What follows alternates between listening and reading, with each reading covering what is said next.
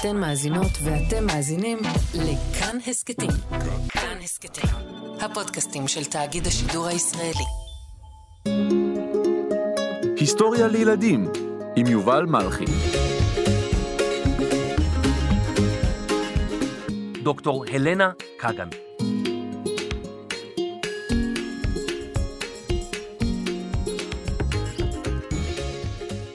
שלום ילדים, היום אני רוצה לספר לכם על אישה שכינו אותה כדוקטור פלא ומושיעת הילדים. מה מביא אנשים לקרוא לאדם מסוים דוקטור פלא? אולי היא הייתה קוסמת? אולי שלפה ארנב מתוך כובע? אולי מכרה קסמים? מה, זה שם טוב לחנות קסמים, דוקטור פלא. אבל האישה הזאת לא הייתה קוסמת. בעצם היא, היא קצת הייתה, אבל גם לא. הסתקרנתם? רוצים לשמוע עליה? ברור שכן. היום אספר לכם סיפור מיוחד על רופאת הילדים הראשונה בארץ ישראל. שמה היה הלנה קגן. הלנה קגן נולדה בעיר טשקנט בשנת 1889. טשקנט נמצאת כיום באוזבקיסטן, בצפון מרכז יבשת אסיה. כשהלנה נולדה, היה האזור חלק מהאימפריה הרוסית. כיום רוב תושבי אוזבקיסטן הם מוסלמים, אך בעבר התגוררו במדינה נוצרים רבים. הוריה של הלנה עברו לטשקנט ממזרח אירופה, בעקבות עבודתו של אביה המהנדס. במשך זמן רב לא ידעו מעסיקיו של אביה שהוא יהודי. הוא כנראה שינה את שמו מכהן לקגן, כפי שעשו יהודים רבים. לאחר זמן מה התגלתה יהדותו של האב, והוא התבקש להמיר את דתו מיהדות לנצרות. כיוון שהוא סירב, הוא איבד את עבודתו כמהנדס, והמשפחה עברה לבית קטן. ובמשך זמן רב חיה משפחתה של אלנה במחסור, בצפיפות ובעוני. במילה אחת, בדוחק. ילדים, היום אני לא אכריח אתכם לאכול את מה שאתם לא אוהבים. יש, תודה אמא. ואני לא אכריח אתכם לסיים הכל מהצלחת. יש, אמא, תודה. תודה אמא. אבל אמא, מה יש אמא, לאכול? מה יש לאכול? אז זהו, שאין. מה, עוד פעם אין ארוחת ערב אמא? אוף, אני מקווה שלילדים בעתיד תמיד יהיו ארוחות ערב. אל תדאגו ילדים, תכף אבא יקים מפעל והכל יהיה בסדר. סליחה, גברתי, גברתי, אני מספר את הסיפור. אני אומר שהוא מקים מפעל. אה, סליחה, בבקשה, בבקשה. אז אביה של אלנה לא אמר נואש. הוא לא התייאש, והקים מפעל מצליח בכוחות עצמו. עתה, כשהיה למשפחה מספיק כסף, החליטו הוריה של אלנה לשלוח את ילדיהם, אלנה ואחיה נוח, ללמוד באירופה. אלנה תכננה ללמוד מוסיקה. אני אהיה מוסיקאית מוכשרת ומפורסמת. אני כל כך אוהבת לנגן, אני כל כך אוהבת מוסיקה. אני אנגן את התשיעית של, של בכהובן, או את הרביעית של מוצרטח, או, או את השלישית של יוהאן פחוביץ'. אוי, אוי, תראו את זה, ציור של עצמות של גוף האדם, ומחוברות, וזה כל כך מעניין. בעצם, אני אוהבת מוסיקה ממש, אבל אני רוצה לעזור לאנשים. אני רוצה להיות רופאה.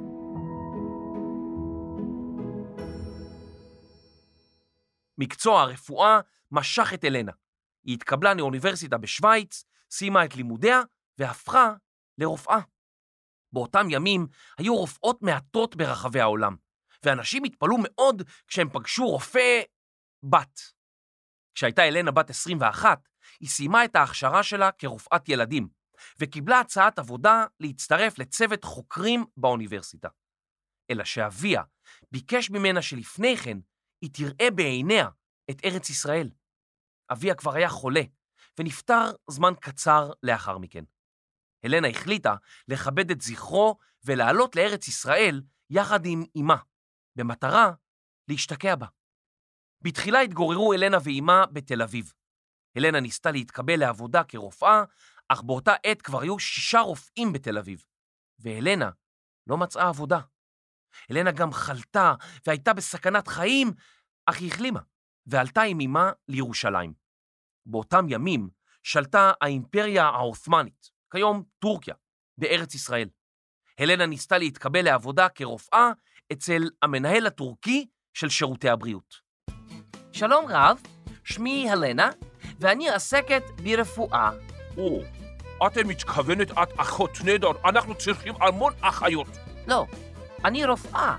מה? רופאה? אין כזאת מילה. על מה, מה את מדברת מילים משוגעות? רופאה. אין כזה מילה. מה? אני לא מבינה. אין בטורקית מילה כזה רופאה. את, את בטח אחות. לא, אני רופאה, כמו רופא. רופא? רופא בת? רק רגע. אני מרגיש זעזוע מצח. אני מרגיש כאב אוזניים. אני מרגיש מכת שיניים. אני מרגיש לא טוב. אני, אני חייב לשבת. מהמת! בוא דחוף! אני מתמוטט! מהמת! אני מתמוטט! מה קרה, בוס שמן? אישה פה, אמרה שהיא... אה, מה קרה, אישה? מה צריכה? אני רוצה לעבוד כרופא, ר- רופאה. רופאה? אין מילה כזאת בטורקית. רופא שהוא בת. או, הבנתי. או, תודה לאל שהבנת סוף סוף. כן, אז אה, לא.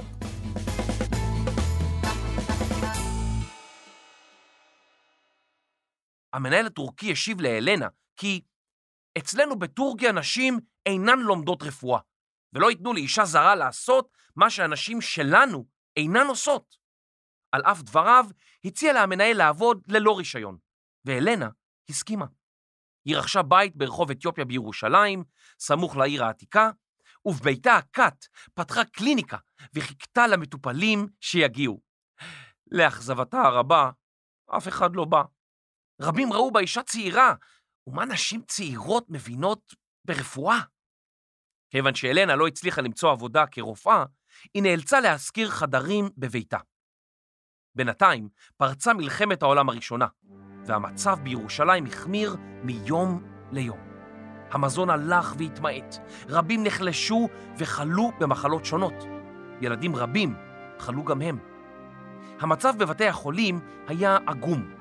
היה מחסור בציוד, בתרופות, ואט אט גם בצוות רפואי שגויס לצבא הטורקי ועזב את ירושלים.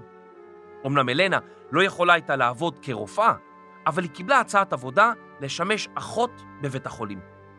תוך כדי עבודתה בבית החולים המוזנח, היא החלה להכשיר נערות יהודיות וערביות וללמד אותן כיצד יש לטפל בחולים. נסו לדמיין רגע בית חולים שאין בו מים זורמים, יש בו מיטות מועטות בלבד, המזרנים מתפוררים, וכמובן, כמעט שאין שום ציוד רפואי. ככה הלנה נאלצה לעבוד. הלנה לא ידעה עברית וערבית, כך שלחלק מהבנות היא הסבירה בפנטומימה מה עליהן לעשות. הרבה הוטל על כתפיה של הלנה. היא סיפרה שמה שדרבן אותה הייתה היכולת שלה לתרום. קיוויתי שאוכל להחדיר בנערות אדיבות ותשומת לב לחולים, תוך שמירה על היגיינה וניקיון מקסימלי. כאשר הגיעה משלחת טורקית לבית החולים, היא התפעלה מעבודתה של אלנה, והעניקה לה רישיון עבודה. זה היה רישיון העבודה הראשון שנתנו הטורקים לאישה. הלנה קגן הייתה האישה הראשונה שמונתה על ידי הטורקים להיות רופאה בישראל. היו רופאות נוספות שעלו לארץ ופעלו באותה תקופה. סוניה בלקין, חנה וייץ, בת שבע יונס, מרים נופח, שרה בן עמי, אכן לא זכו להכרה מהשלטון הטורקי. הלנה ביצעה את עבודתה באופן כל כך טוב, שאחרי זמן מה החליטו למנות אותה למנהלת בית החולים. אבל אז היא נקלעה לצרות. את בצרות, צרות צרורות, גברת. אני? אני רק מטפלת בחולים כל היום. כן? כן. מה? מה? את חוזרת אחריי? אתה חוזר אחריי. את בצרות צרות, צרורות, מצוררות, את צרורות, גברת.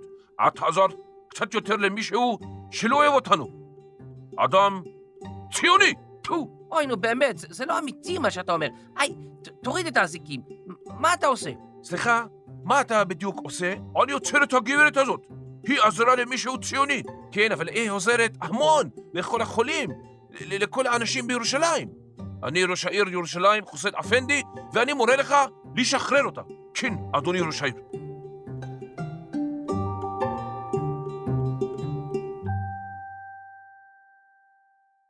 הדוקטור אלנה קגן הייתה אחראית גם על אנשים שהטורקים אסרו. ביניהם פעילים ציוניים שהיו זקוקים לטיפול רפואי.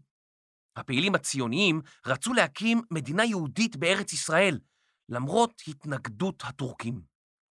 אחד האנשים שקיבלו טיפול רפואי מידה של אלנה היה ישראל שוחט, מראשי ארגון השומר, ארגון שמירה עברי. הטורקים שעבדו בבית החולים הלשינו עליה שהיא נותנת לו יחס מיוחד. ועדת חקירה בדקה את האירוע ומצאה את הרופאה הציונית אשמה. הלנה כמעט נזרקה לכלא, אך בזכות התערבותו של ראש העיר, חוסיין אפנדי, היא ניצלה. אלנה עזבה את בית החולים והחלה לקבל חולים באופן פרטי, במרפאה שבביתה. ובשעות אחר הצהריים נהגה לערוך ביקורי בית. למרפאתה של קאגן הגיעו ילדים רבים במצב תת-תזונה. זאת אומרת שהם לא קיבלו מספיק מזון. הדוקטור אלנה קנתה פרה ודאגה לשמור את החלב בבקבוקים כדי לתת אותו לתינוקות שהיו זקוקים למזון. הלנה קיבלה כל מי שהיה זקוק לטיפול רפואי, ערבים ויהודים, חרדים וחילונים, ילדים וילדות. היא אהבה לעזור לבני אדם, לא משנה מוצאם, דתם או צבע העור שלהם. היא זכתה להערכה רבה, וכינו אותה בשם המלאך המושיע, מושיעת הילדים ורופאת הפלא. אחד הראשונים להבחין עד כמה מקצועית הייתה אלנה, היה רופא עיניים עברי צ'כי בשם דוקטור אברהם טיחו. הדוקטור טיחו נאלץ לוותר על ניהול מרפאת העיניים שלו בירושלים, כאשר גויס, כמו רופאים רבים אחרים, לצבא הטורקי. הוא ביקש מאלנה לתפוס פיקוד, והיא החלה לעבוד במרפאתו. לימים תהפוך המרפאה לבית החולים היהודי לילדים הראשון בירושלים. לקראת סוף מלחמת העולם הראשונה, החמיר המצב בירושלים יותר ויותר. ילדים רעבים הסתובבו ברחובות, ורבים מהם גבעו ברעב. בשל כך, החליטה אלנה לפתוח מעון יום לילדים שהאימהות שלהם נאלצו לעבוד ולא יכלו לטפל בהם. היא דאגה לכ-30 ילדים עזובים, ועם צוות בית החולים הקטן, טיפלה בהם במסירות. מצב התזונה הלקויה הטריד מאוד את אלנה, והיא הדריכה אימהות כיצד להוסיף חלב פרה לתפריט שלהם. אלא שלאימהות רבות לא היה כסף לרכוש חלב לילדיהם, והלנה, לצד ארגון הדסה, הקימה את מרפאות טיפת חלב. הראשונה שבהן הוקמה ברובע היהודי בירושלים. הארגון הצעיר עזר לחלק חלב לאימהות, חילק חיסונים והציל תינוקות רבים. הלנה טיפלה בהתנדבות בתינוקות רבים וקידמה רפואה מונעת. כלומר, לימדה אימהות איך למנוע מחלה עוד לפני שזאת נוצרה.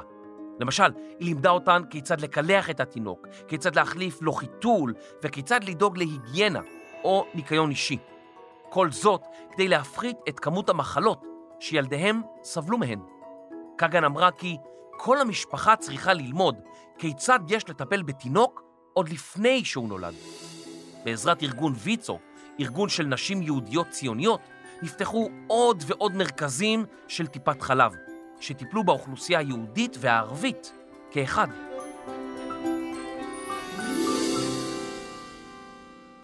לפני כמאה שנים, לאחר מלחמת העולם הראשונה, היו הרבה מאוד תינוקות וילדים עזובים, בעיקר בירושלים. באחד הימים שמע הרב קוק, שעליו יש פרק בהיסטוריה לילדים, בכי של תינוק, ומשפתח את דלת ביתו, גילה כי מישהו השאיר תינוק קטן, עטוף בסחבות, ואליו הוצמד פתק. אני אם אומללה, הנאלצת לנטוש את פרי בטנה. אני מוסרת אותו לידיך, ושמה מבטחי בך. הרב קוק מסר את התינוק לקגן, והיא הביאה אותו לבית החולים. היא החליטה לפתוח בבית החולים מעון לתינוקות עזובים וליתומים. באותם ימים לא היה תקציב למיטות, והתינוקות ישנו בתוך ארגזי תפוזים מרופדים. נערות בגיל העשרה עזרו לטפל בהם, וקגן ליוותה את המעון במשך 40 שנים. שנו תינוקות חמודים ועזים, מקווה שאין לכם הרבה גזים. שנו לכם בתוך ארגז תפוזים, כי אין למילה הזאת הרבה חרוזים, אז לא להגזים, אולי יש כאן בזים. אל תכניסו את השיר הזה, הוא לא מצחיק. מה, תינוקות שיש להם גזים והם ישנים בתוך ארגז תפוזים, זה לא... זה קצת מצחיק, טיפונת. לא, כן, לא. תכניסו, לא משנה.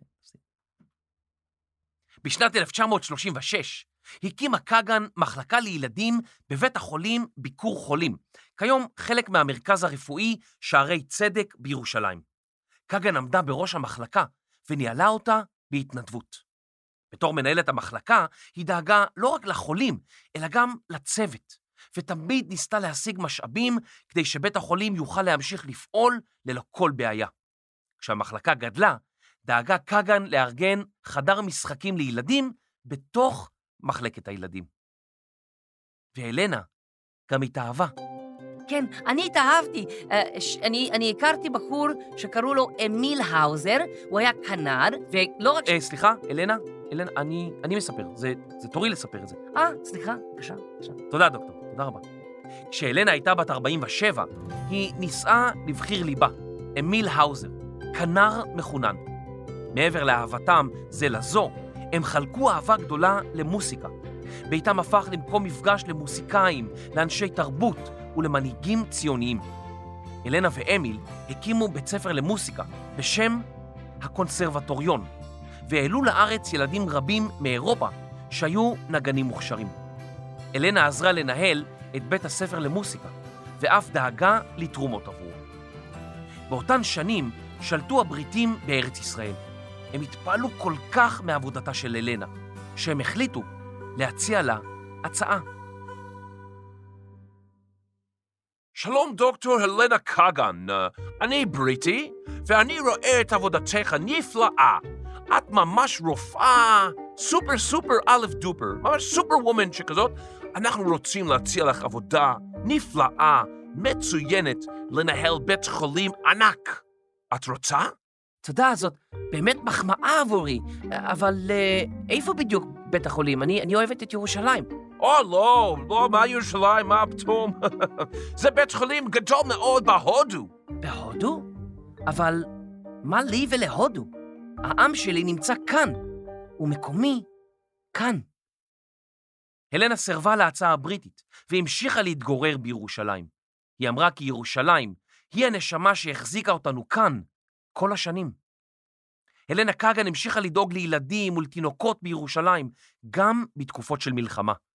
הסופר הירושלמי, אברהם חיים אלחנני, כתב כי במהלך מלחמת העצמאות הייתה צועדת צמודה אל קירות הבתים, מחמת הפגזים שירדו בלי הפוגה, ולא מנעה מעצמה אפילו יום אחד משמירה על בריאותם של הילדים. הלנה, לאן את הולכת? יש ילדים חולים, אני חייבת להגיע אליהם. אבל זה מסוכן, נופלים פה פגזים, יורים פה יריות. אלנה, אל תסתובבי ברחובות, זה מסוכן. אבל מי יעזור לילדים החולים? מי אם לא אני? לאחר מלחמת העצמאות והקמת המדינה, הלנה זכתה בתואר אזרחית כבוד של העיר ירושלים. היא הפכה לחברת הנהלת האוניברסיטה העברית, הוזמנה להרצות בכנסים בינלאומיים ואותרה בתארים רבים. כשהייתה הלנה בת 78, במהלך מלחמת ששת הימים, היא טיפלה בחיילים פצועים במשך 36 שעות ברציפות. לאחר מלחמת ששת הימים אוחדה ירושלים, וערבים רבים שהתגוררו במזרח העיר, תחת שלטון ירדני, חזרו להתגורר תחת שלטונה של מדינת ישראל. הלנה סיפרה כי לאחר מלחמת ששת הימים באו אליה מטופלים ערבים שטיפלה בילדיהם עשרות שנים קודם לכן. היא סיפרה כי כאשר באו אליי לאחר מלחמת ששת הימים, קיבלתי אותם בכל החום, כפי שצריך לקבל בני אדם. מי כמונו, שהיינו נרדפים בעבר, יכולים להבין אותם.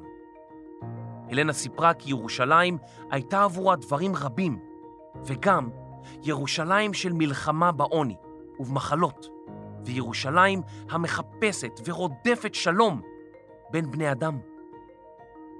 הלנה תמיד חשה שהיא עוזרת לבנות את עתיד הארץ. היא נהגה לומר, עבורי אין דבר אדיר בחיים מלראות ילדים בריאים, לומדים ועובדים בירושלים.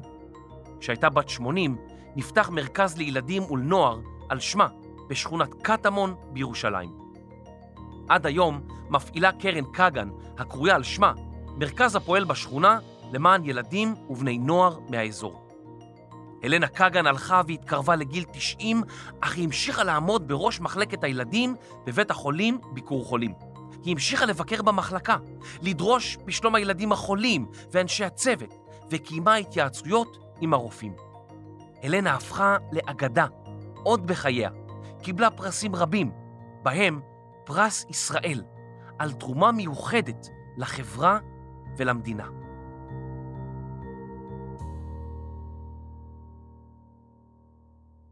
בשנת 1978, כחודש לפני יום הולדתה ה-90, הלכה אלנה לעולמה. לאלנה לא היו ילדים משלה, אך ילדיה היו ילדי העיר ירושלים, במשך כ-70 שנים. ירושלים עבור אלנה הייתה ירושלים של ילדים. הלנה כגן הייתה חלוצה, רופאת הילדים הראשונה בארץ ישראל. אישה פורצת דרך, אישה שאהבה את ירושלים אהבה עזה, והייתה לאדם שדאג לילדי העיר ללא הבדלי דת, גזע, צבע או מין. היא הייתה לאדם נערץ, שהלך בראש המחנה.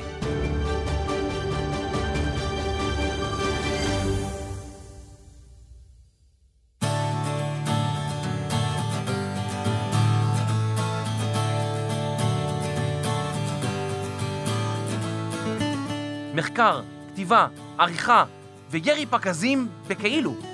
רינת ספיבק ויובל מלכי. עריכת לשון ורופאת הזבובים הראשונה בטנזניה, דינה בר מנחם. עיצוב פסקול, מיקס אפקטים ואוהבת לישון בתוך ארגז תפוזים, רחל רפאלי. הפקה ואנשים שאוהבים לתת לי מכות ברגל עם פטיש. היי, תפסיקו, תפסיקו, אח, תפסיקו, היי. רני שחר ואייל שינדלר. אני יובל מלכי, היסטוריה לילדים.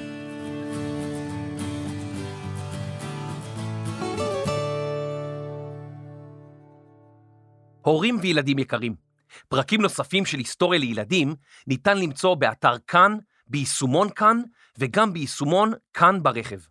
נשמח אם תספרו לחברים ולמורים שלכם על ההסכת הזה. אם אתם אוהבים את ההסכת היסטוריה לילדים, אז דרגו אותנו באפליקציית הפודקאסטים של אפל. ואם אתם רוצים לדבר איתנו, הצטרפו לקבוצת היסטוריה לילדים בטלגרם. תודה.